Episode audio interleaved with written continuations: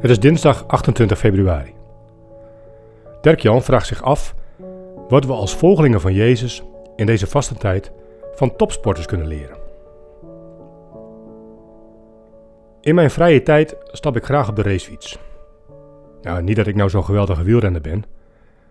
Met enige jaloezie kijk ik dan ook naar professionals als Mathieu van der Poel of Annemiek van Vleuten. Man, wat kunnen die fietsen? Ze dansen de berg op met een kracht, snelheid en een souplesse. En daarbij kunnen ze ook nog eens ontzettend diep gaan. Indrukwekkend vind ik dat. Om als eerste over de streep te komen, heb je natuurlijk talent nodig. Maar dat is niet voldoende.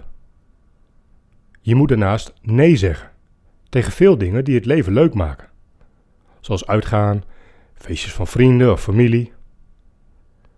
Maar ook alleen nee zeggen is niet voldoende. De sleutel zit hem erin dat je de tijd die zo beschikbaar komt, bewust invult met die dingen die je helpen bij je doel. Voor topsporters is dat veel en hard trainen, goed rusten en verstandig eten. Dat is namelijk wat je vormt. In deze podcastserie denken we na over het volgen van Jezus in het leven van elke dag. En daarin kunnen we volgens mij iets leren van deze topsporters.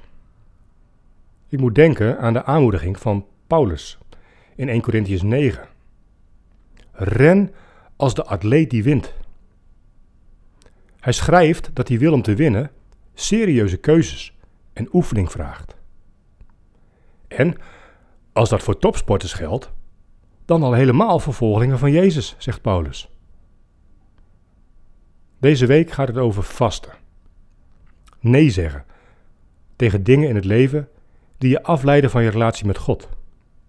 Misschien heb jij je ook wel voorgenomen deze periode anders om te gaan met eten, alcohol, sociale media of bijvoorbeeld Netflix.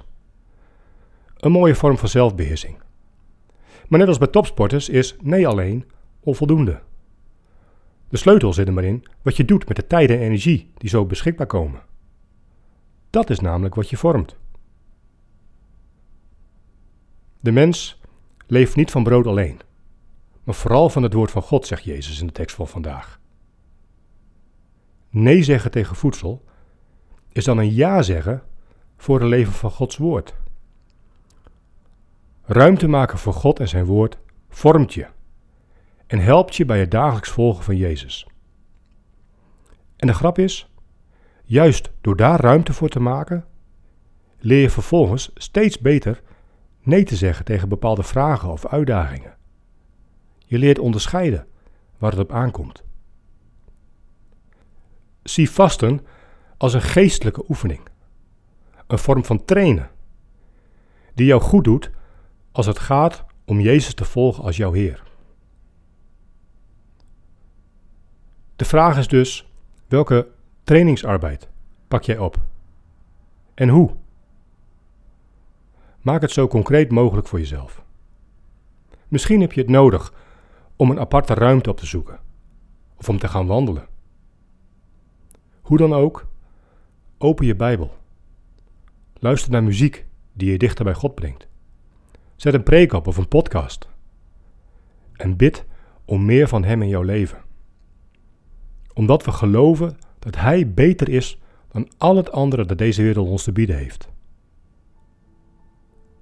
Bid je met me mee? Vader in de hemel, in deze vastentijd bid ik u. Help me om me te onthouden van op zich goede dingen, zodat ik meer kan genieten van tijd met u. Help me om nee te zeggen tegen dingen die me makkelijk afleiden, om me te focussen op uw wil voor mijn leven. Help me om zo steeds meer te ervaren dat u beter bent dan alles wat deze wereld mij te bieden heeft. Help me om te willen rennen als de atleet die wint.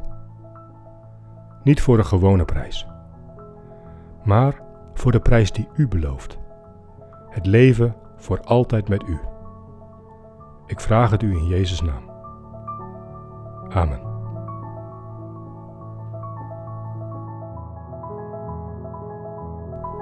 Leuk dat je luistert naar 40 dagen hier en nu.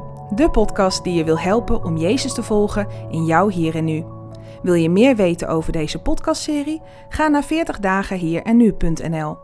Voor de Bijbelteksten in deze podcast gebruiken we de MBV 21 van het Nederlands-Vlaams Bijbelgenootschap.